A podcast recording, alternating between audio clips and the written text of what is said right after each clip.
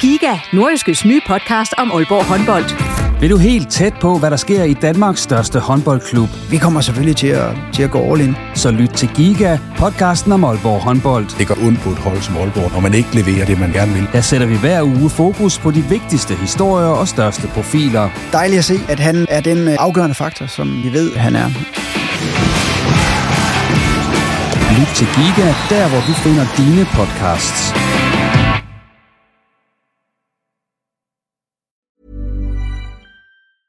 I'm Sandra, and I'm just the professional your small business was looking for. But you didn't hire me because you didn't use LinkedIn jobs. LinkedIn has professionals you can't find anywhere else, including those who aren't actively looking for a new job but might be open to the perfect role, like me. In a given month, over 70% of LinkedIn users don't visit other leading job sites. So if you're not looking on LinkedIn, you'll miss out on great candidates like Sandra. Start hiring professionals like a professional. Post your free job on linkedin.com/people today. Everyone knows therapy is great for solving problems, but getting therapy has its own problems too, like finding the right therapist, fitting into their schedule, and of course, the cost. Well, BetterHelp can solve those problems. It's totally online and built around your schedule. It's surprisingly affordable too. Connect with a credentialed therapist by phone, video, or online chat, all from the comfort of your home. Visit betterhelp.com to learn more and save 10% on your first month. That's BetterHelp, H E L P. Du lytter til en podcast fra Nordjyske.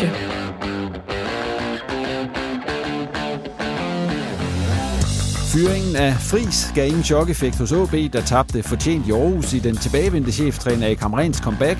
Så svenskeren han får nok at arbejde med i landskampspausen, som AB er gået ind til som en af de to klubber, bookmakerne peger på som nedrykker i denne Superliga-sæson. Du lytter til Reposten. Mit navn er Jens Otto Barsø. Velkommen.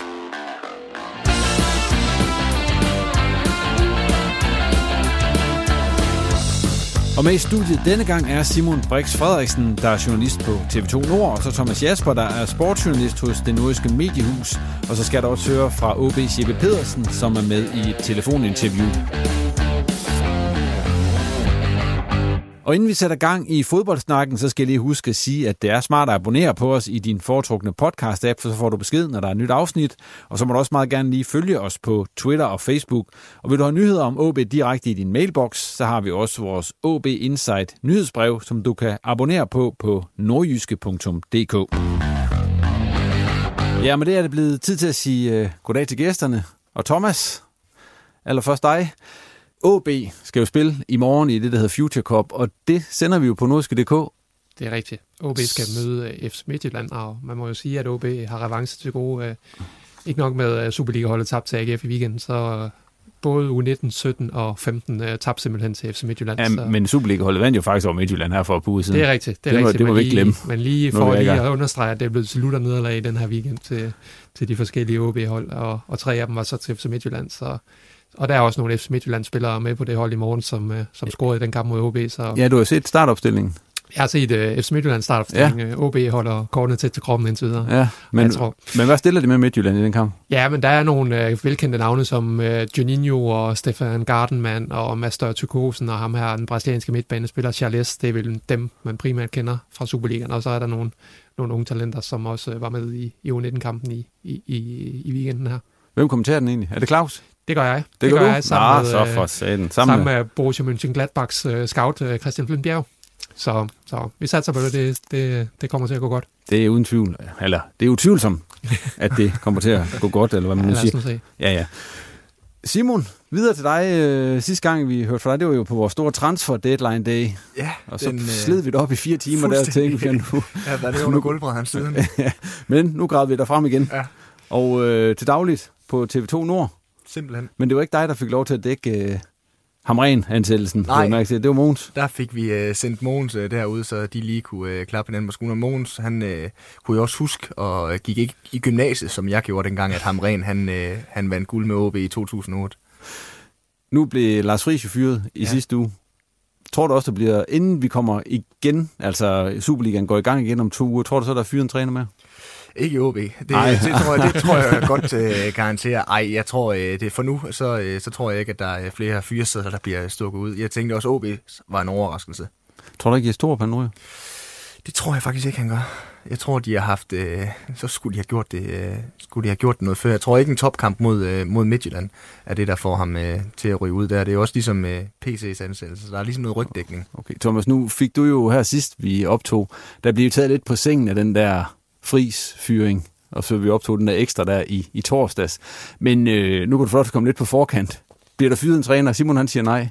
Jeg siger også nej. Øh, nu har man jo set, at vi er blevet overrasket over timing i, i sådan, øh, sådan nogle tilfælde før, øh, jo i sidste uge. Men jeg tænker, at hvis Jes Torup han var, var røget i den her omgang, så var han røget i dag, og der er jo ikke sket noget, så, så det ville være... Endnu. Lidt, lige præcis. Ja. Men, øh, men, jeg tror faktisk, at øh, der er større chance for, at der er en anden træner på øh, den øh, københavnske, de københavnske breddegrader, der kunne ryge før Jes. Ja. ja. Ja, det er så ikke Flemming Pedersen, det er, øh, det, det er Niels Frederiksen. Jeg tror faktisk, han er mere øh, ligesom på, på rampen, også fordi jeg tror, han er ved at være kørt død i det over. Vi skal ikke snakke øh, mere om trænerfyringer. Lige nu i hvert fald. Og forhåbentlig ikke det næste stykke tid her i reposten.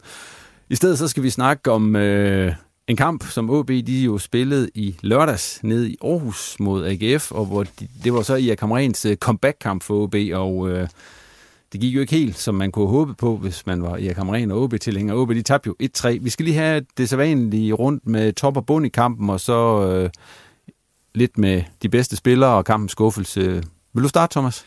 Ja, hvis vi skal starte med det gode, øh, det positive, øh, sådan det kollektive top, det vil jeg sige, øh, målmand man, forsvarer sig på, indtil man, man, man kommer bagud i 0 på den her fejl af, på sig væk. Altså OB stod lavt og også lavere, end man måske ville have gjort, hvis det var Lars Friis, der var træner i sådan en kamp, men, men man fik egentlig, selvom AGF har, har meget overtaget, så kommer de ikke frem til, til specielt meget, og, og det så egentlig nogenlunde slidt ud, og man kan også sige, at både Lukas Andersen og Alon Sousa kunne jo have, have bragt OB foran, så, så, jeg, så jeg synes, den der det der defensive udtryk op til, at man kommer bagud, det så sådan nogenlunde ud. Så det er din top? Ja. Hvad, hvis du lige skal din bund også, når du er i gang? Bunden, det er øh, reaktionen eller præstationen i anden halvleg generelt. Øh, der var intet i OB, efter man først kom bagud i den her kamp, så var det som om det hele ramlede. Så, så det er en, øh, den kollektive bund, om man så kan sige. Hvad siger du til det, Simon? Jamen, det er jo svært at være øh, ret meget uenig. Øh, ja, det, det sidste indtryk er jo ofte det klareste, og selvom man har sovet nogle gange siden, at øh, OB de tabte, så øh, er den anden halvleg ringere end det, vi har set i det sidste lange stykke tid fra, øh, fra Lars Friis. Altså, det var helt horribelt dårligt, synes jeg, det der blev leveret der. Første halvleg synes jeg ikke, de sætter ret mange afleveringer sammen, OB, men øh, de står trods alt rimelig okay og kompakt og tillader ikke AGF sådan det helt store. Så øh, ja, det var, ikke, øh, det var ikke særlig godt. Så det var heller ikke helt, altså man kunne, kunne man, man kunne ikke se på nogen måde, at det var Erik Kamren, der havde taget over? Jo, det kunne man jo godt også, som, øh, som Thomas er inde på, altså, at de stod dybere, det var en helt bevidst øh, strategi. Altså, det var jo meget det, han ligesom praktiserede i de her to landskampsperioder, han har haft for Island og for Sverige. Altså to tætte kæder, og så, øh, og så sørge for at, at lave lidt omstillinger. Det var jo også det, de prøvede på, i hvert fald i, i første halvleg. En af grunden til, at OB de jo valgte at gøre det her inden landskampspausen, var, at de håbede lidt på en trodsreaktion. Den udblev så, jeg ved ikke, skal man sige totalt, at ville det være strampen? Jamen, det, nej, det synes jeg egentlig ikke. Altså, det, det, altså hvis de havde håbet på, at OB-holdet kom ud med, med ild i øjnene, så, øh, så ved jeg ikke om... Øh, med mere ild i øjnene, de har haft de sidste par kampe, så fik de i hvert fald ikke det. Altså, det var vel øh, en moderat opsat øh, OB-hold, som kom ud og udførte den taktiske plan, der var lagt i, i første halvleg, og så mødte de noget modgang, og så reagerede de som et bundhold. Hvad tænker du? Helt enig. Altså, øh, der er måske de første 10 minutter, hvor man kan se, at der er noget, noget af det her ild i øjnene, vi så tit snakker om, øh, men, men det er jo, jo for kort en periode, der, der synes jeg egentlig, det så, så god ud på den front. Men, men det var også, altså det var jo det, man kunne, man kunne håbe på som OB, det var, at der kom den her øh, trodsreaktion, fordi det fodboldmæssige indhold, øh, der er det jo fair nok, at der ikke kan, kan ske øh, det vanvittige, vanvittige på, på to træningsdage. Men sådan en OB-hold, når der ikke kommer sådan en trodsreaktion, hvad kan forklaringen så være på det? Er de for slidte oven i hovederne i forvejen, eller er, tre, er, er de ikke enige i fyringen, eller hvad tænker I? Jamen, altså, jeg, tror, jeg tror, de udfører deres arbejde, som de jo skal. Det er jo det, de får deres øh, penge for, så jeg tror ikke, at de har øh, brudt deres hoveder ret meget med, om, om de var enige eller uenige i fyringen der. Det er jo en AGF-kamp med, med fuld hus, og den tror jeg egentlig, de var opsat nok til. Jeg tror, det er mangel på selvslid, og det vi også har snakket om i det her studie nogle gange, om deres problemer på en 9'er-position, det er jo også et udtryk øh, for manglende selvtillid. Så jeg tror, det handler rigtig, rigtig meget om, at der bare ikke er tur i den øjeblikket. Manglende selvtillid, og så øh, nu så jeg træningen i, i fredag, så der var det helt åbenlyst, at, at øh, selvom jeg Kamren han ikke har lavet nogen revolution, så var der trods alt nogle nye ting, de skulle til at forholde sig til, og det var, det var åbenlyst, at det var lidt svært for dem at forvente det i hovedet, at nu er, det, nu er der nogle helt andre ting, der, der blev bedt om, og ja, altså det er jo, øh, hvad siger vi, fire forskellige trænere på, på et år, eller hvad det er. Øh, det, det er selvfølgelig også medvirkende til, at man måske godt som øh, OB-spiller kan stå og være lidt rundt forvirret efterhånden. Spillerne har jo forskellige steder efterfølgende ud at sige, at, at de var egentlig glade nok for Fris. Men det er vel bare det, man skal sige. Det tror jeg også, de har været. Altså, de referencer, OB jo fik på Lars Friis inden, og det der ligesom også er i fodboldmiljøet, det er, at han er en voldsomt dygtig træner på træningsbanen. Øh, og de har været glade for ham i Brentford, de har været glade for ham i Viborg, og jeg tror også, de har været glade for ham i, øh, i OB. Øh, det har ikke været nok til at få øh, point i de her 22 kampe, han har, øh, han har haft, men jeg tror stadigvæk, at, øh, at når OB de, øh, kigger tilbage på ham, og som 10 år, så vil jeg sige, det var egentlig en, en fin træner, vi er jo glade for. Vi skal lige have en top 3 over, hvis I kan, kan, kan, kan komme med sådan en, altså over OB-spillere. Og så skal vi have en kamp med skuffelse også.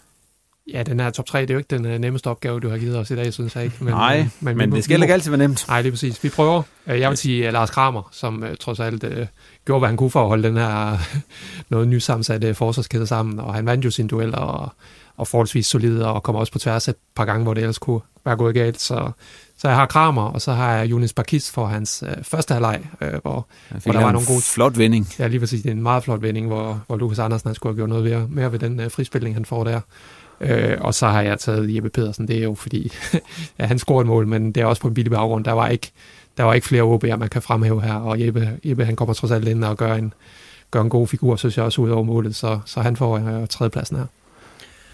Jamen, øh, det har været... jeg har lige ved at have sagt nej til den her opgave i protest, fordi jeg har faktisk øh, du må godt. nærmest ikke en uh, top 3. Jeg synes jo, det så, siger så, alt. Hvad har du så? En top 2, top 1? Jamen, øh, OB's fans valgte jo selv Jeppe Pedersen som kampens ja. spiller, øh, og det er jo vel klassikeren med, at han scorede et mål. Mere gjorde han vel ikke øh, som sådan øh, andet end at arbejde hårdt for det. Jeg synes også, at øh, Pusovic kommer øh, okay øh, fra det. Jeg ved godt, at han ser lidt, øh, lidt tung ud på det ene mål, men det er, det er også en klog afslutning, synes jeg, at der bliver sendt afsted i det kort hjørne, og han har svært ved at, ved at se den. Så jeg synes, han kom øh, okay fra det. Og så kampen skuffelse. Ja, øh, der er jo mange, man kunne, man kunne pege på til gengæld, men øh, jeg har gået med... Der har du måske også en top 3, så.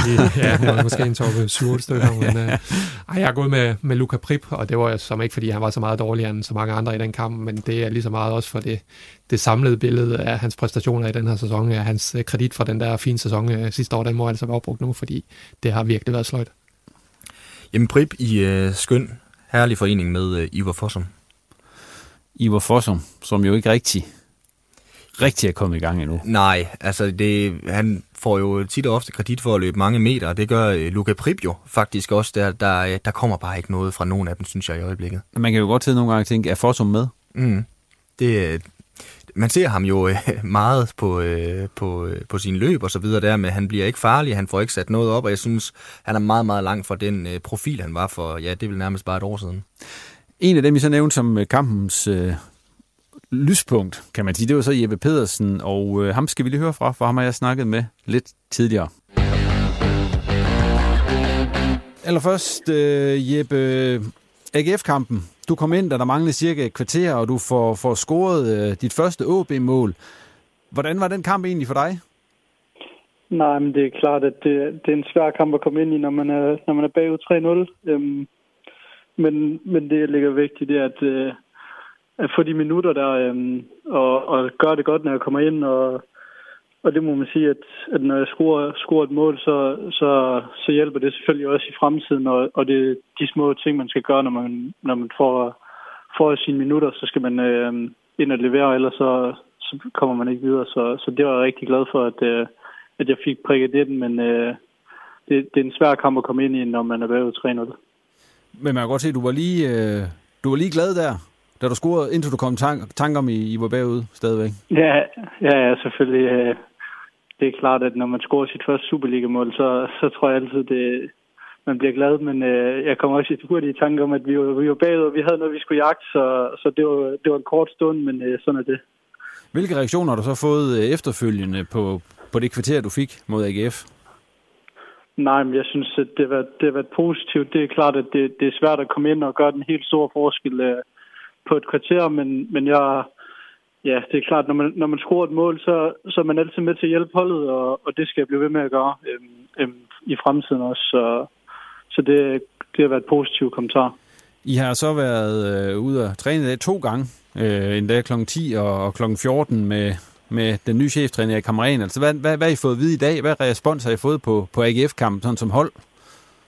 Nej, men det er klart, at vi har kigget på nogle, nogle ting, vi skal gøre bedre. Vi har, vi, er, vi, det er klart, at det, det er svært for Erik at gå ind på, på to dage og så gøre en, en kæmpe forskel, men vi har, haft øh, rigtig meget øh, vægt på, på nogle ting, som vi skulle gøre på de, de få dage, øh, vi har haft Erik. Øh, og så, så har vi set en hel masse clips i dag øh, på nogle ting, vi skulle gøre bedre, og, og nogle ting, vi gør godt og skal tage med videre. Øh, så det er klart, at sådan en kamp her, den, den lærer man rigtig meget af, og, og nu har vi en landsholdspause, godt nok, hvor vi også har nogle fridage, men øh, der kan vi forhåbentlig bygge, bygge videre på det, Erik kan gøre og, og gerne vil. Øh, så det, det tror jeg både øh, os som hold og, og Erik ser frem til. Ja, apropos de fridage der, øh, hvordan har du det med dem? Altså vil du lige så gerne have trænet nu, I har fået nye trænere og så videre?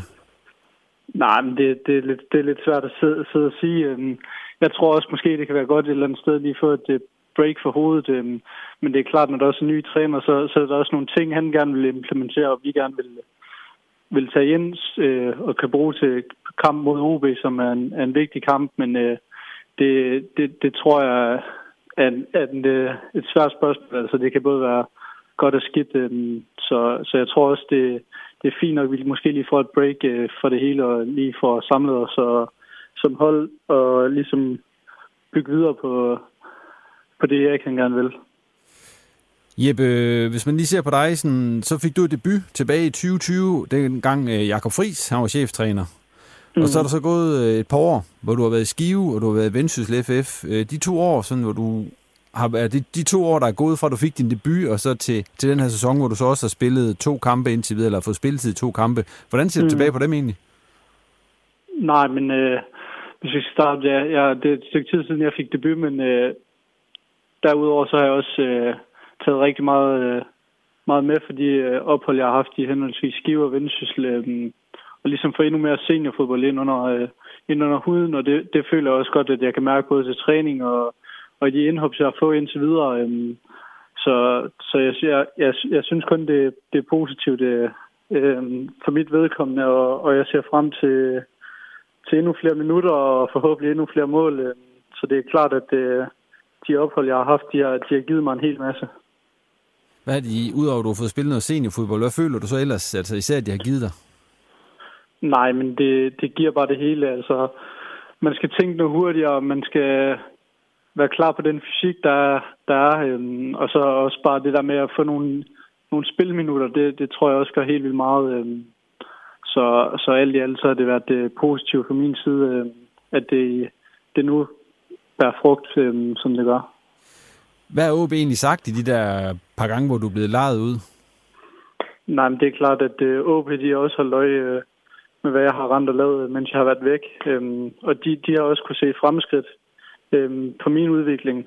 Øhm, så, så jeg tror, det har været øh, et godt match for, for begge parter, mens jeg har været væk. Jeppe, det der med, øh, at du så blev i det her transfervindue, var der på tale, at du skulle afsted igen, eller, eller hvordan så det ud?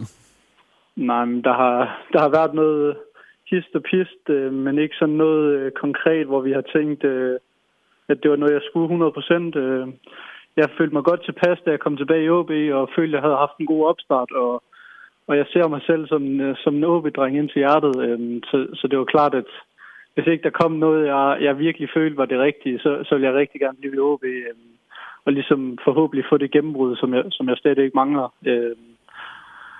Så, så det, der har ikke været noget konkret. Jeg har, jeg har rigtig gerne vil blive i OB og kæmpe for det og så er det sådan, det er blevet nu. Så, så det er jeg rigtig glad for, at det, det ender sådan. Og det er vel også med henblik på, at du har kontraktudløb øh, om et, altså til næste sommer, så det er vel også nu, hvis det skulle være? Ja, ja, præcis. Det er jo, det er jo nu, jeg, jeg ligesom skal vise, at jeg også har, har rykket mig, øh, mens jeg har været væk. Øhm, så, det, så det er nu, jeg skal ind og kæmpe for det, og, og kæmpe mig til flere minutter. Øhm, så sådan er, sådan er fodbolden. Det, det er hårdt nogle gange, men øh, det er nu, man skal vise, man er, hvad man lavet er. Jeppe, her, nu har du fået, øh, som, som jeg nævnte tidligere, du har fået spilletid i, i to af kampene her i, i den her sæson indtil videre i de første 10. Hvordan er det sådan ligesom at være lidt på sidelinjen af det, der foregår derude i øjeblikket? Fordi man kan jo ikke sådan helt give dig skylden for, for det helt store i den her sammenhæng. Nej, men jeg tror, at, at alle de synes, det, det er hårdt at være i lige nu. Øhm, OB er en kæmpe klub, og vi har store ambitioner. Øhm, så jeg tror ikke, øh, om, om det er mig, som ikke har spillet så meget, eller dem, der har spillet så meget, øh, så tror jeg, det er hårdt at være i lige meget hvad. Øh, vi er et hold, øh, og, og hvis jeg ikke leverer ud på træningsbanen, og jeg ikke spiller så meget kamp, øh, så kan de heller ikke levere ind i kampene. Øh, så det er, en, det er en holdpræstation, og vi står sammen som et hold, og, og jeg tror, når først vi får hul på bylden, så, så skal det nok blive godt. Jeppe, der er kommet en ny træner. Øh, hvad betyder det sådan for, for dine muligheder for at få noget mere spilletid?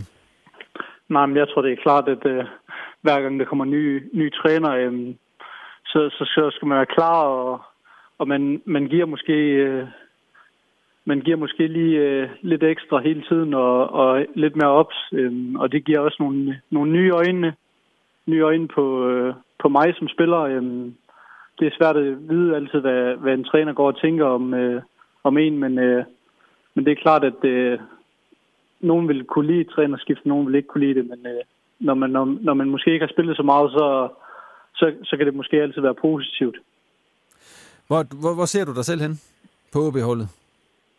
Nej, men det er klart, der, der er stor konkurrence om, øh, på midtbanen lige nu. Øh, der, der er sindssygt mange dygtige spillere, og, og det er svært at komme til spillet til lige nu, men, øh, men hvis, jeg, hvis jeg bare fortsætter, så, så tror jeg godt, at, det, at det kan blive til, til flere, endnu flere minutter, end det har gjort hidtil, så, så jeg skal bare fortsætte. Hvad er det, du arbejder med i øjeblikket, Jeppe? Nej, men der er nogle, der er nogle små ting. Der, der er altid noget med, man kan blive bedre til øh, på træningsbanen, og, og det, noget af det, jeg også har arbejdet med, det er, det er at blive ved med at komme med i boksen, og, og ligesom blive, blive bedre til hele tiden at spille fremad.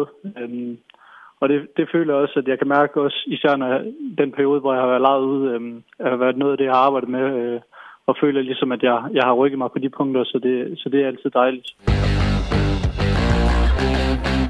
Ja, det var så Jeppe Pedersen, som jo fik scoret sit øh, første Superliga-mål for OB i den her kamp nede i Aarhus. Og fik løbet og fik kommet ind med noget energi. Skal han spille næste gang, synes I? Det, nu snakker vi selv om, hvor, hvor, hvor, hvor lidt godt det har været fra Forsum og Prip, som jo har spillet på en midtbane mod AGF. Ja, nu står vi i et studie en øh, mandag, hvor jeg er der to uger til? Hvornår er de spiller igen OB helt præcis? Det, det er om fredagen, så der Og har været tidligere op også. Ja, det er det. Men øh, der skulle vi meget gerne have, have Petro klar øh, til at spille ind på den central, så Jeppe P. han må lige vente en, øh, en omgang nu.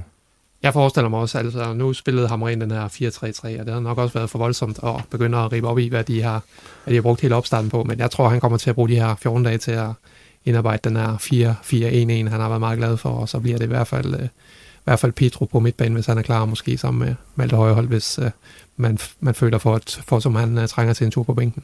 Men Jeppe her, tror I reelt, han har en chance for at slå igennem i OB? I det år, han nu er tilbage af sin kontrakt? Nej, jeg tvivler. Så tror jeg, det var kommet noget tidligere. Han har jo ikke ligefrem øh, brændt øh, første division af, når han har været i Skive og i Vendsyssel, selvom han er en arbejdsom fyr og en ydmyg fyr, som, øh, som helt sikkert har gjort det godt i de trupper, øh, og også fået sine kampe, men jeg tror ikke på, at han, øh, han ligesom tager det næste skridt i, øh, i OB. Så tror jeg, han skal, han skal ned og have endnu mere kontinuitet end bare lige øh, en sæson i, øh, i Vendsyssel eller i, øh, i Skive. Nu nævnte I selv, at, øh, eller du gjorde, Thomas, at øh, ja, Kamren, han jo øh, får noget tid til nu at, at sætte sit præg på holdet. Altså, hvad bliver de største udfordringer, for, som I ser det, for, for Erik Kamren her i næsten to træningsuger, som de har. Vi kommer ind på, hvorfor det ikke helt er, er to træningsuger, de har. Jeppe var også ind på det. De holder ferie nu her, eller, eller har fire fridage. Men de dage, der så er til rådighed for Erik Kamren, hvad, øh, hvad er udfordringerne for ham der? Man jeg skal igen etableret troen først og fremmest, som så ud til at være fuldstændig tabt i, i anden halvleg allerede. Der man, det er ikke meget modgang, det her OB-hold skal have, før, før det ramler helt sammen. Så, så der skal arbejdes lidt med, øh, ja, med, med noget mentalt, tænker jeg. Men, men hans største udfordring, det bliver jo også det, der var Lars Friis' største udfordring. Det er at få den her offensiv til at fungere, komme til at skabe nogle flere målchancer. Altså, jeg synes egentlig, at OB, når, også hvis de har en stopper ekstra klar næste gang, så, så ser det egentlig nogenlunde sluttet ud defensivt, men men det største problem i den her sæson, det har jo været, at man scorer alt for få mål og skaber alt for få chancer. Ja, ni mål i 10 kampe indtil videre. Ja, det går ondt. Det ja. går ondt. Hvad tænker du, Simon? Om, Jamen, øh, om Hamrens udfordringer? Jamen, det øh, de er jo til at tage at føle på, må vi sige, hvor, i forhold til, hvad der blev leveret nede i, nede i Aarhus. Altså, han skal jo selvfølgelig have sat sit hold op til øh, den 4-4-2, som jeg tror, han kommer til at spille i, øh, i OB, og så kommer han øh, til at skåde alt, hvad der hedder øh, possession-spil og så videre. Det bliver meget, som når Sverige og Island har spillet mod de store hold i øh, slutrunder. Nations League, meget, meget stram organisation, og så må de øh, køre omstillinger derfra. Så det, jeg tror meget, det er det der med at få to tætte firkæder til at spille sammen, som han kommer til at fokus på. Nu har han haft det til at bundfælde sig lidt, den her Hamren-ansættelse. Altså, hvad, hvad, hvad tænker I om, om det nu? Man kan sige, det kom jo lidt som ud af det blå, der i torsdags. Jeg synes jo stadigvæk, det er overilet fyre Lars Friis, og det synes jeg også, at lørdagens kamp viste. Altså, det virkede som et OB-hold i chok, og øh, nu har vi snakket lidt om, jeg tror stadigvæk, de havde tillid til øh, Lars Friis. Det var der så nogen omkring OB, som ikke havde, og derfor trykkede de jo så på knappen. Der er jo ikke nogen tvivl om, at øh, Hamren, han er, øh, er hamrende dygtig, som øh, man kunne øh, sige til hø til hø. Men det er jo ikke, altså... Jeg synes stadigvæk, det er voldsomt overilet at kyle øh, Lars Friis ud, øh, når man så en retning i OB-spil. Fordi det, der er vigtigt at huske på, det er, det her det er den fjerde cheftræner på meget, meget kort tid med en helt anderledes tilgang end de tre foregående. Ja, fuldstændig enig. Øh, vi har måske sagt det, vi skulle sige om Lars Frises fyring sidste uge, eller jeg har i hvert fald. Men, ja. men i forhold til, hvad vi skal forvente af ham rent, der er jeg faktisk også stadig usikker. Altså, vi kan jo ikke dømme ham på den her AGF-kamp og, og to træninger, og han vil jo ikke rigtig ud med, hvad, hvad er det egentlig er, hvordan han vil spille med det her OB-hold endnu. Det, han siger, at der skal point på kontoen, og så kan vi snakke om det andet bagefter, men jeg tænker jo stadigvæk, at for at få de point på, på kontoen, så vil det måske være god, en god idé at have en retning uh, spillemæssigt, og det tænker jeg også, han har internt. Uh, men, men vi må ligesom afvente og se, hvad der, hvad der sker. Altså, Erik Hamren, uh, øh, det er jo det, det flotteste træner-CV i Superligaen umiddelbart, synes jeg. Uh, men der er jo de her spørgsmålstegn ved ham, at han har ikke trænet i to år, og ikke været klubtræner i 12 år, og, og så videre. Så det er stadig for mig et åbent spørgsmål, hvad, hvad vi får med ham rent. Men retorikken frem er i hvert fald klar. Der er ikke noget med, der bliver ikke snakket tom 6 eller nogen ting. Altså allerede her efter, da ham rent overtog efter ni kampe, nu er det så 10, der var det overlevelse. Ja, det er jo skræmmende. Ja, det er meget tidligt at begynde at snakke om det også. Ja, men det er de jo nødt til. Altså, altså der, hvis, hvis de havde været Lyngby, kunne de måske godt, altså på det tidspunkt, hvor Hamren overtager det, undskyld, jeg afbryder dig, Simon. Nej, det men, men der, der, der er de vel reelt set kun tre point fra, fra altså, eller undskyld, nu kan jeg sige, de, de var fire, fem point fra en, nej, tre point fra en 6. plads, var det ikke sådan? Det passer vel meget godt. Ja, jo. altså da han tager over, så allerede der begynder man at snakke om overlevelse. Det harmonerer vel ikke helt med, at man har så god en trup, som OB selv synes, de har. Nej, men det gør det jo ikke. Det gør det jo ansynligt ikke, men, men de er også bare nødt til at kigge på øh, de hold, der ligger omkring dem. Og lige nu, hvad er det bund 6 hedder? Thomas Jesper, det kan være, du kan hjælpe mig. Det er vel FC Midtjylland, det er vel Brøndby, det er vel FCK, det er OB, og så er det uh, Lyngby. Mangler jeg så et enkelt hold? Du mange, har du nævnt OB? Eller Nej. så må det være det sidste ja. her. Så hvis man kigger på de hold, der, der må man forvente, at de i hvert fald sætter en steam sammen. OB, som OB forhåbentlig skulle have holdt under sig, de er begyndt på det, så de er rimelig presset i forhold til konkurrenterne det vil også sige i forhold til at skabe en forventningsafstemning. Vi kan ikke, eller OB kan jo ikke blive ved med øh, det her, man har brugt øh, starten af sæsonen på at sige, at man har så, så god en trup, og man mangler bare at få det forløst. Altså, det handler vel så også om, at Hamren er kommet ind og sagt, nu, nu handler det om at få det her stabiliseret, og der er det måske godt nok at få den forventningsafstemning, at man skal ikke snakke top 6, top, 6, top 4. Øh, det kan man jo begynde på, hvis, hvis de vinder nogle kampe, så kommer det automatisk igen. Øh, så, så jeg tænker egentlig, det er fornuftigt nok at gribe det an på den måde. Tror I, Hamren, at det han er kommet, øh, det er jo et navn, som du også siger, Thomas, måske det største CV i Superligaen lige pt. Hvad kommer det til at betyde for, for Inger André Olsen? At det er sådan en mand, der sidder på den post nu? Jamen, det er jo en klog knap at trykke på. Øh, jeg var lidt inde på det, da jeg var med i Transfer Deadline, når han har snakket Oliver Appelgaard, som jeg set fra min stol har virket som et helt vildt langskud, at man skulle være tæt på at, at, at signe ham til OB. Lidt det samme øh, knap, sådan nostalgiknappen har han jo trykket på med, med Jakob Ren. Altså på den måde køber han sig jo til en eller anden form for, for glæde, og ja, nu siger jeg det igen, nostalgi hos øh, OB-fans, det giver ham måske lidt tid. Øhm, jeg, tror, øh, jeg tror også, den overvejelse har ligget bag, uden at man skal sige, at han har været alt for udspekuleret. Men jeg tænker også på hans, øh, for eksempel i næste transfervindue, der vil Hamren jo nok have nogle ønsker til den trup, han har pt der er Hamren måske tættere på bestyrelsen end Lars Friis var i den sammenhæng. Ja, jeg tror, han kommer ind med en øh, stærkere position, og jeg tror også, at, at øh, Erik Hamren er blevet stillet et vist øh, ledelsesrum øh, i, i udsigt, ellers så kan jeg ikke rigtig se, hvorfor han skulle tage det her job, fordi som vi også talte om i, i sidste uge, så, så var det ikke noget, han havde behøvet at gøre, hvis det ikke var fordi han også havde et hjerte for OB, men jeg tænker også, det er, fordi han har fået stillet en vis øh, rolle i OB i udsigt. Øh, så det kan godt være, men jeg ved ikke, om det er det her, der svækker Inge Andre Olsen, eller, eller det er alt det, der er gået forud. Han er jo åbenlyst blevet svækket, både i forbindelse med den her Ross-sag, som vi har, som Ekstrabladet har afdækket, at det var, det var bestyrelsen, der tog teten på den. Men også i forhold til, at han øh, i sidste uge måtte ud af fyre en træner, han ansat for seks måneder siden, det øh, svækker ham selvfølgelig også. Men Hamren er jo, han er jo ikke en procestræner. Altså Hamren er en resultattræner. Han kommer ind, og han skal bare sørge for, at der ryger tre point på kontoen om søndagen. Mm. Der har Lars Friis jo været langt mere en træner for I'm Sandra, and I'm just the professional your small business was looking for. But you didn't hire me because you didn't use LinkedIn jobs. LinkedIn has professionals you can't find anywhere else, including those who aren't actively looking for a new job but might be open to the perfect role, like me. In a given month, over 70% of LinkedIn users don't visit other leading job sites. So if you're not looking on LinkedIn, you'll miss out on great candidates like Sandra. Start hiring professionals like a professional. Post your free job on linkedin.com/people today. Processen, som har kunne se sig selv i akademiet, og hvis man kigger på de hold, Hamren har haft i OB, så har det jo ikke været øh, sådan spækket med lokale spillere, så på den måde er der nogle sammenligninger til, til det hold, han står med lige nu og her i hvert fald i OB. Og det er netop også, øh, nu er I inde på det med, at han er resultattræner, ikke procestræner. Altså OB siger med mulighed for at forlænge osv., men kan I, hvis I nu hånd på hjertet, og nu får I mulighed for at lave rigtig langskud og skyde på, hvad der kommer til at ske øh, langt ud i fremtiden, men kan I se ham rent som cheftræner i OB i, i 3-4 år igen?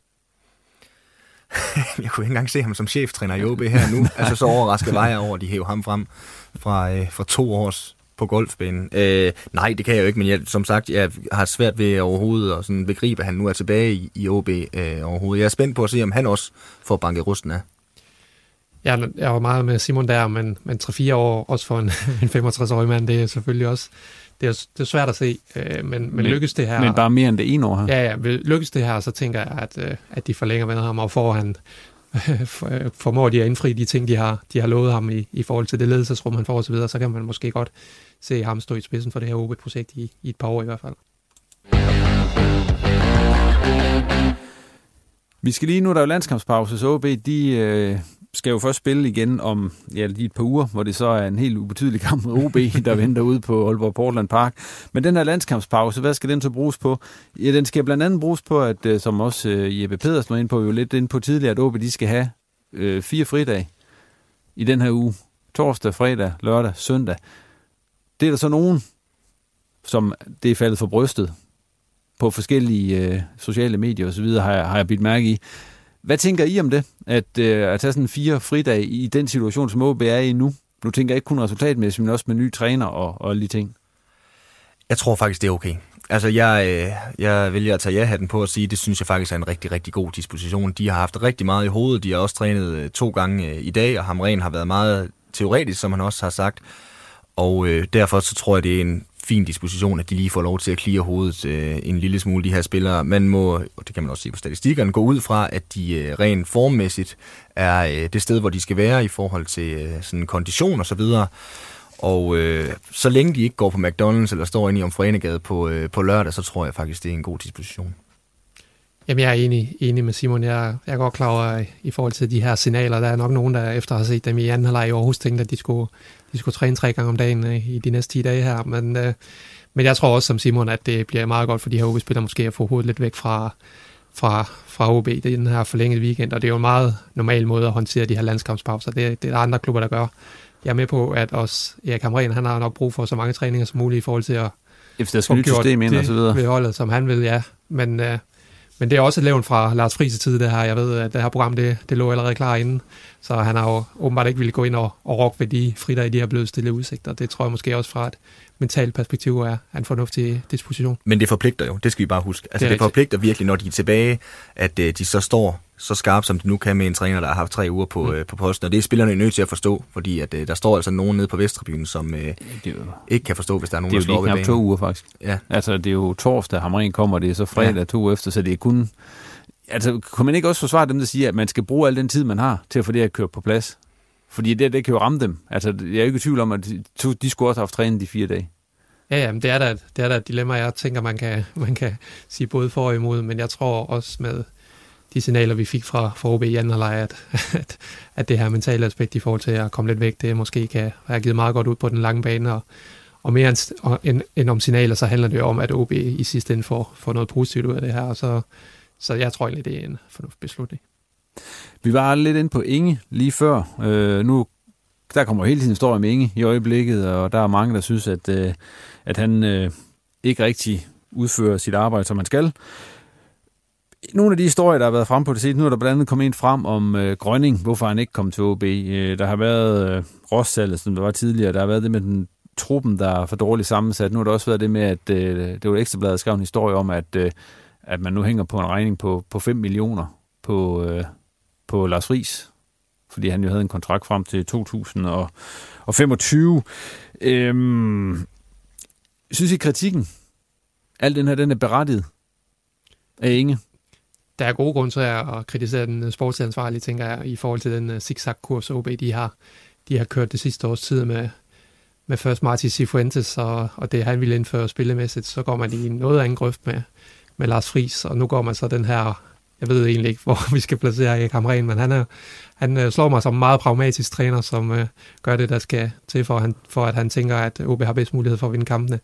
Men øh, det ændrer ikke på, at OB igen har, har skiftet retning, øh, og på en eller anden måde skal, skal starte fra nul, og det falder jo tilbage på, på sportschefen, at, at man så mange gange inden for et år øh, ja, kører i en helt anden retning.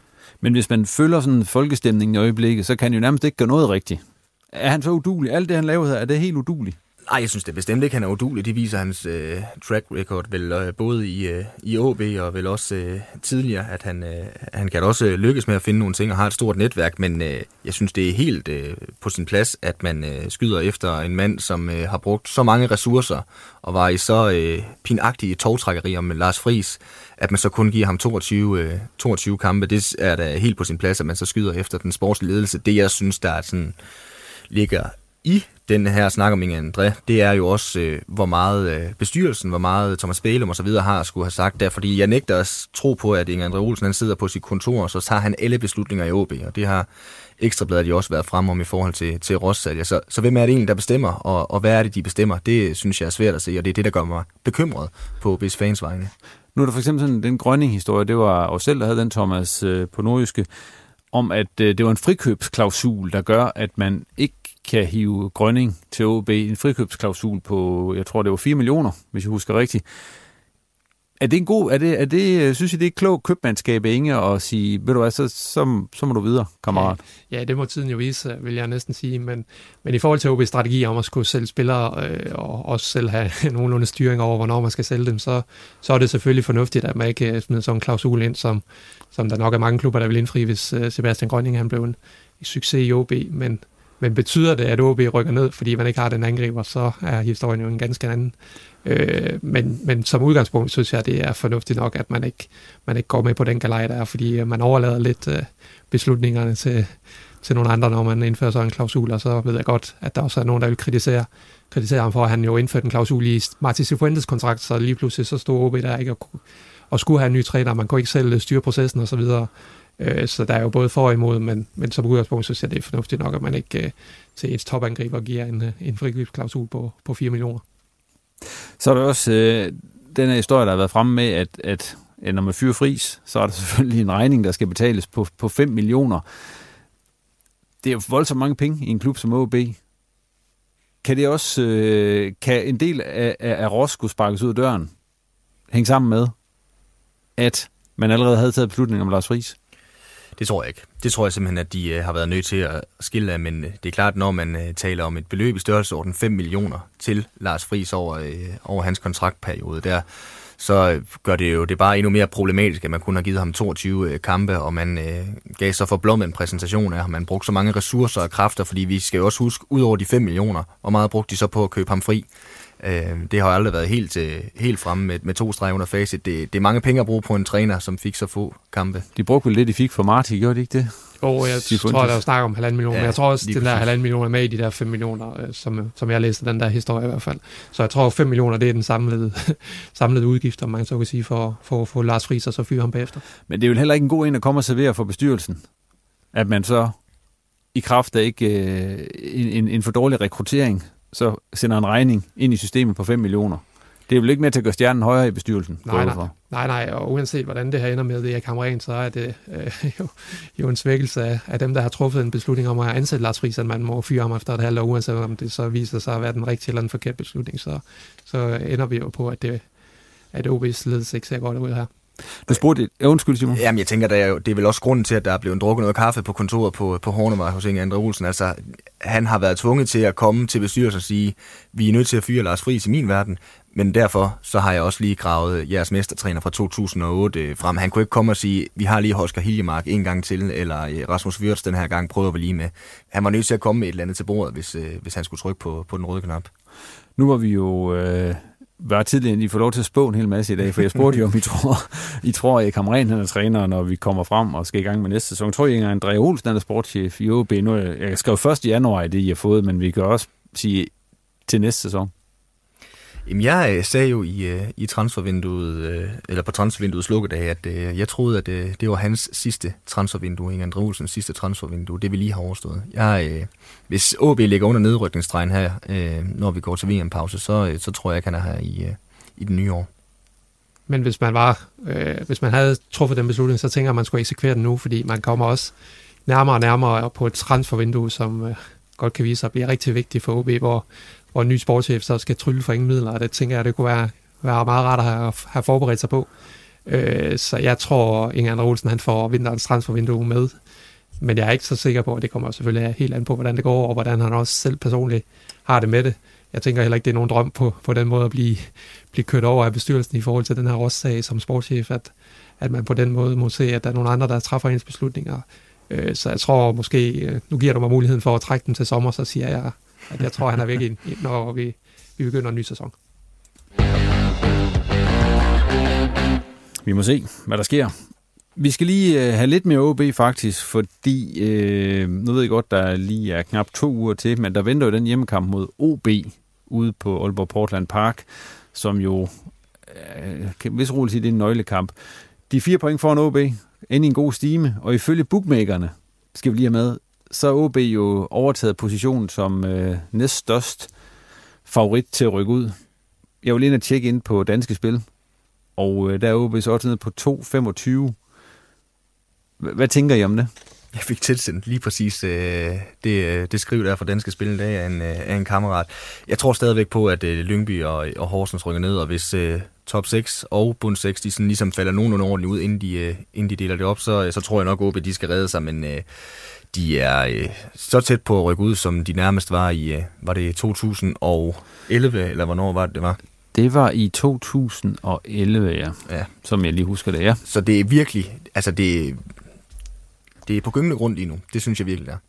Men er du enig i det også der, Thomas? Er, de, er OB det næstbedste bud på en nedrykker i øjeblikket? Jeg er ikke en stor gambler, så jeg vil Jamen, det er heller ikke, men... Uh... helst ikke kloge mig på uh, professionelles uh, oddsætninger, så det, Nej. Det, den er nok rigtig nok, tænker jeg. Det, det tror jeg på, men... Uh, det var en hel gardering. Ja, lige præcis. Jeg vil, sige, som, jeg vil sige som Simon, jeg tror, at Lyngby og Horsens, altså, dem skal jeg OB med, med det materiale, man trods alt har. Det tror jeg stadig på, at man kan holde dem under sammen. Men jeg vil sige, at jeg tror mere på, at OB rykker ned, end jeg gjorde for en uge siden, inden de fyrede Lars Friis. Og det er egentlig ikke noget med Erik Hamren at gøre. Det har noget at gøre med det nye retningsskift, og hvad det ligesom, hvordan det ligesom påvirker spillertruppen, at man skal til at forholde sig til noget helt nyt øh, nu igen.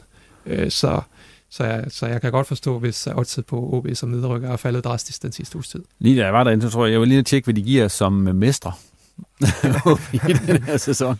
Hvad tror I? Nu er jo, du er jo ikke en gammel, Thomas, siger Nej. du, men hvad, hvad vil du tro, man kunne, man kunne få igen? Vi skal over 100 i hvert fald. Ja, det skal man. Ja. ja.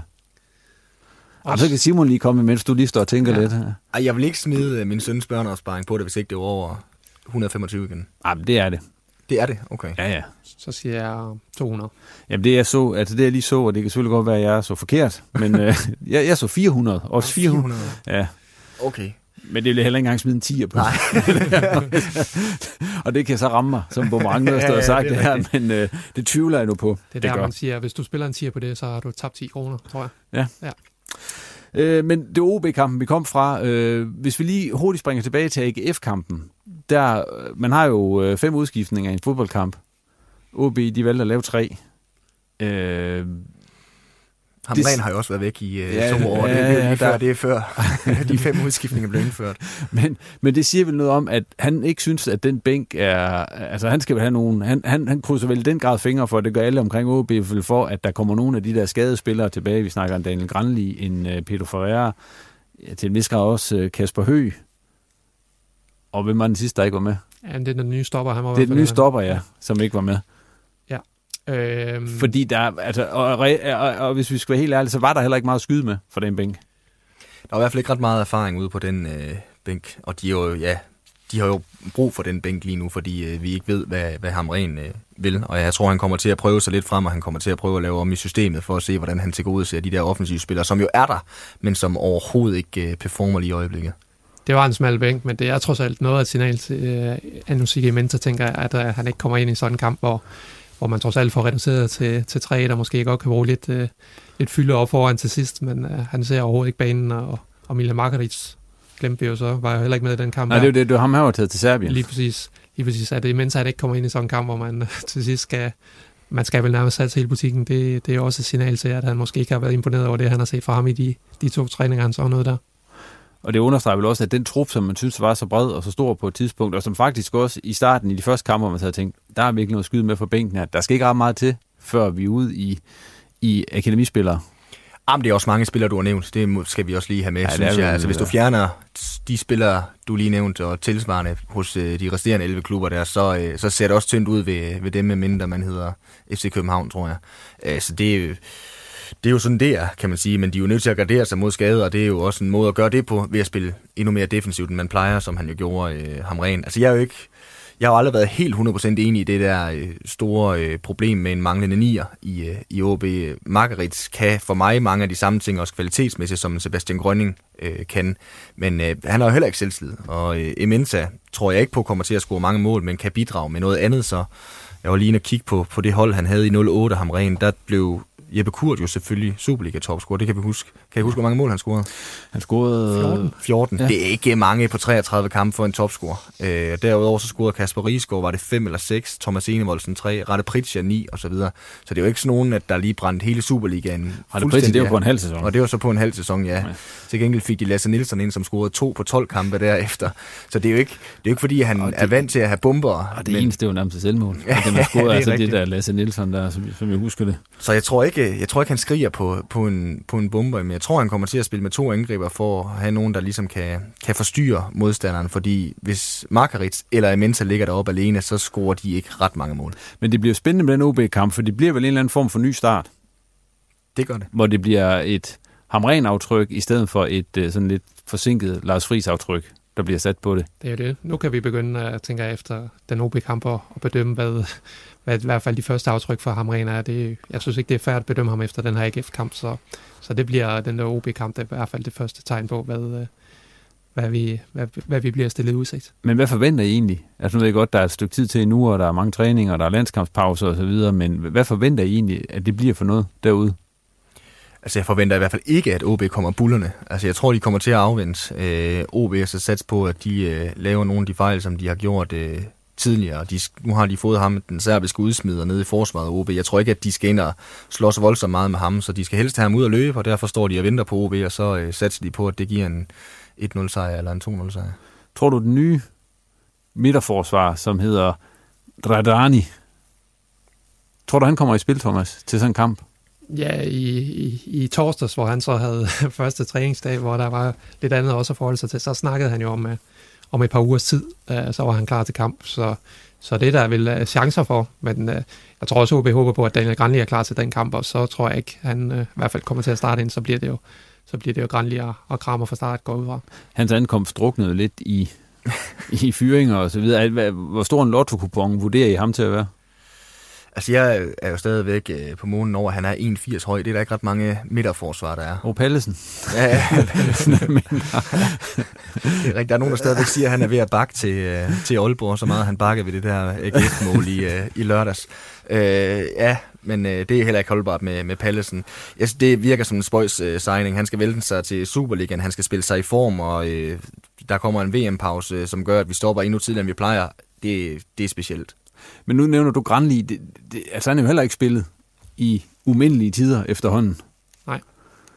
Så altså, det er vel ikke, det er vel ikke, han er vel ikke sikker på at skulle gå ind, med mindre at han gør markante fremskridt her i løbet af de næste øh, træninger. Nej, nej, det var en kritisk situation, og det var også derfor, at OB fik så meget kritik for, for at sætte Mathias Ross på det tidspunkt, de gør. Altså, det er, det er, det er utrolig skidt timing, at OB står i den situation lige nu med øh, en midterforsvar, der hænger laser og med alle de problemer, der i øvrigt er derude. Ja, for han træner vel ikke engang med holdet i øjeblikket, Grandi? Nej, han, øh, i hvert fald i, i fredags op til AGF-kampen, der trænede han stadig for sig selv med, med fysioterapeuten, så jeg ved, at Lars Friis, han havde et håb, inden han så ikke havde det længere måske, om at han kunne, han kunne nå at blive klar til den der AGF-kamp, så jeg tænker ikke, han er så langt fra at kunne, kunne træne med holdet, så, så jeg tænker, der er håb om, at den der OB-kamp kan han godt nå.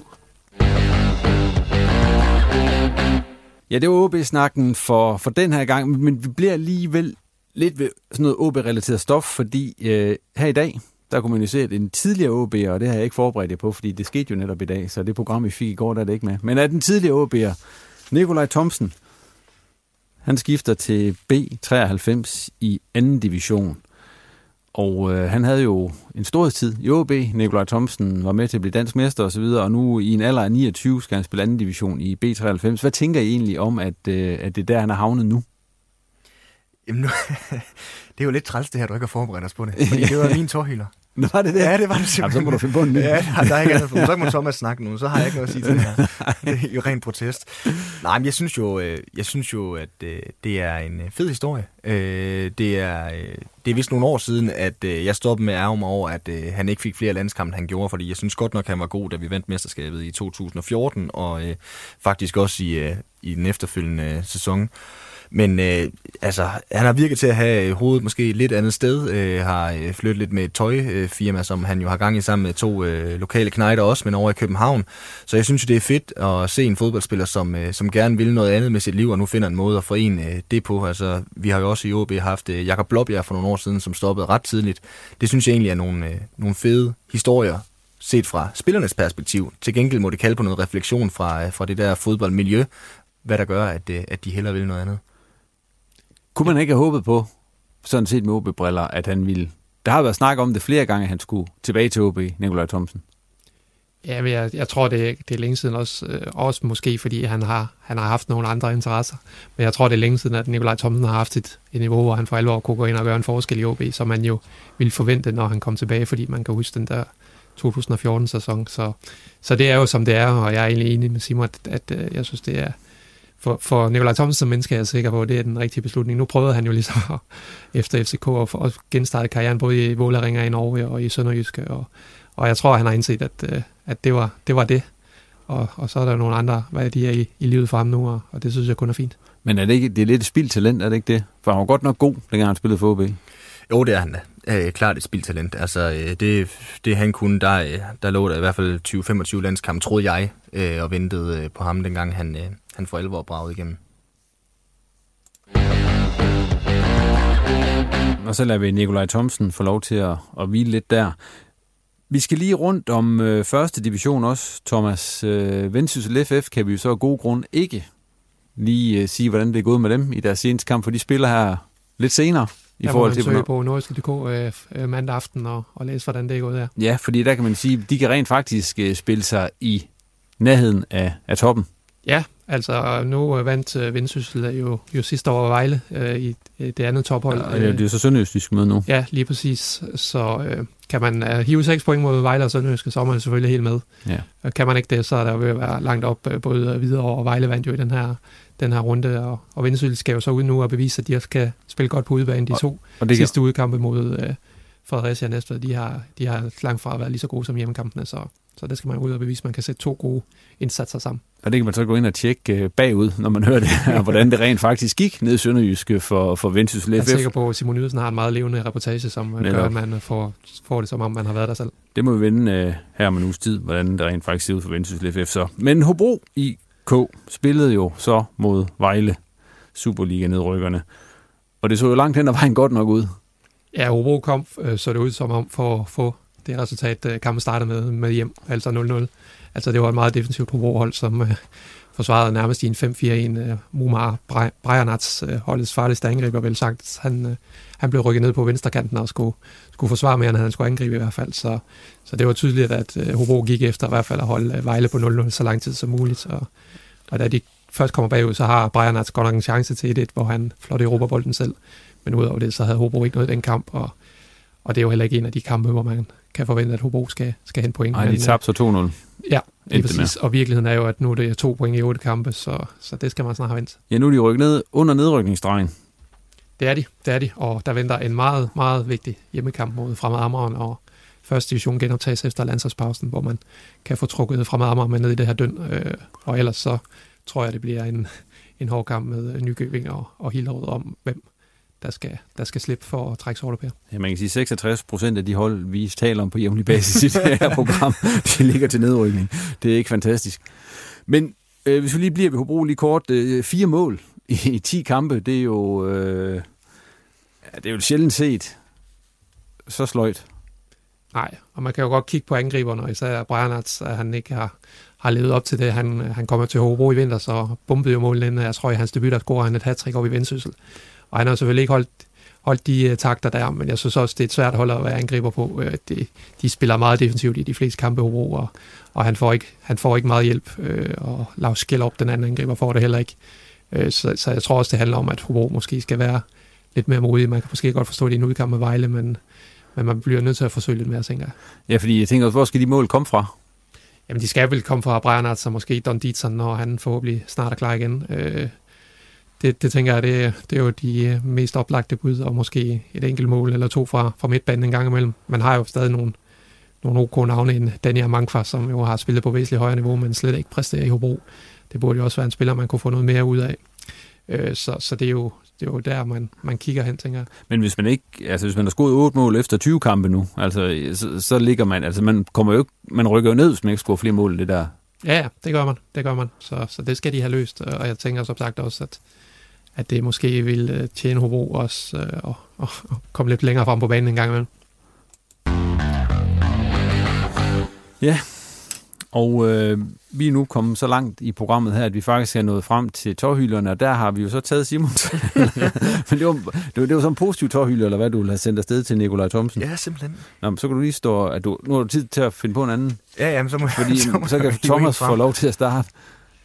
Jamen, øh, jeg har valgt vores øh, gode repostenven øh, Claus Dieter Møller, som vi har snakket rigtig meget om. Øh, han, han er jo på vej ud af, af reposten, tænker jeg, på en eller anden Er vi måde. sikre på det? Ja, måske, men, men det er en meget sigende sløjfe, der bliver bundet i hvert fald. Han, øh, han meldte jo, at han ville anke den her konkurs til landsretten, men så har han så valgt ikke at betale den her ankeafgift på 750 kroner, og det, det er en meget øh, sigende sløjfe, som jeg lige sagde, på, på det mest absurde forløb, jeg nogensinde har set i dansk fodbold. Men er det så en positiv eller negativ tårhylder? Det ja, her? jeg tror, den er negativ.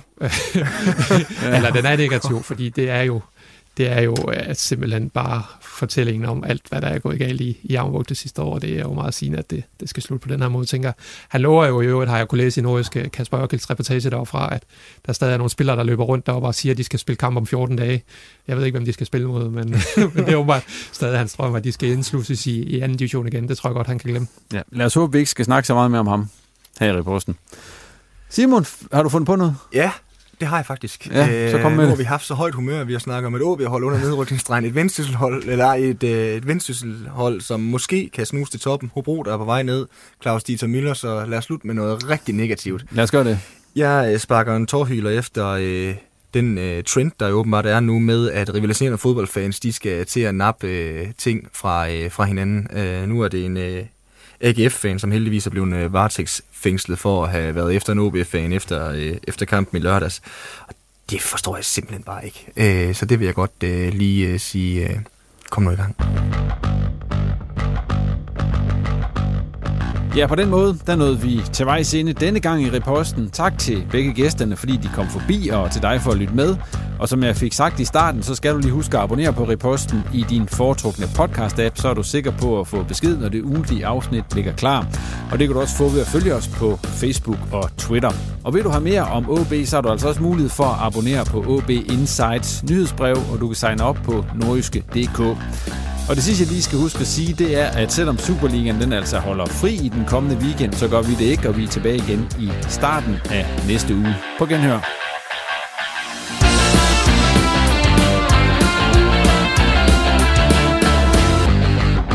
Du har lyttet til en podcast fra Nordjyske. Hey, it's Danny Pellegrino from Everything Iconic. Ready to upgrade your style game without blowing your budget? Check out Quince. They've got all the good stuff shirts and polos, activewear, and fine leather goods, all at 50 to 80% less than other high end brands. And the best part? They're all about safe, ethical, and responsible manufacturing. Get that luxury vibe without the luxury price tag. Hit up quince.com slash upgrade for free shipping and 365 day returns on your next order. That's quince.com slash upgrade. Mom deserves the best, and there's no better place to shop for Mother's Day than Whole Foods Market. They're your destination for unbeatable savings, from premium gifts to show-stopping flowers and irresistible desserts. Start by saving 33% with Prime on all body care and candles. Then get a 15-stem bunch of tulips for just $9.99 each with Prime. Round out Mom's menu with festive rosé, irresistible berry chantilly cake, and more special treats. Come celebrate Mother's Day at Whole Foods Market.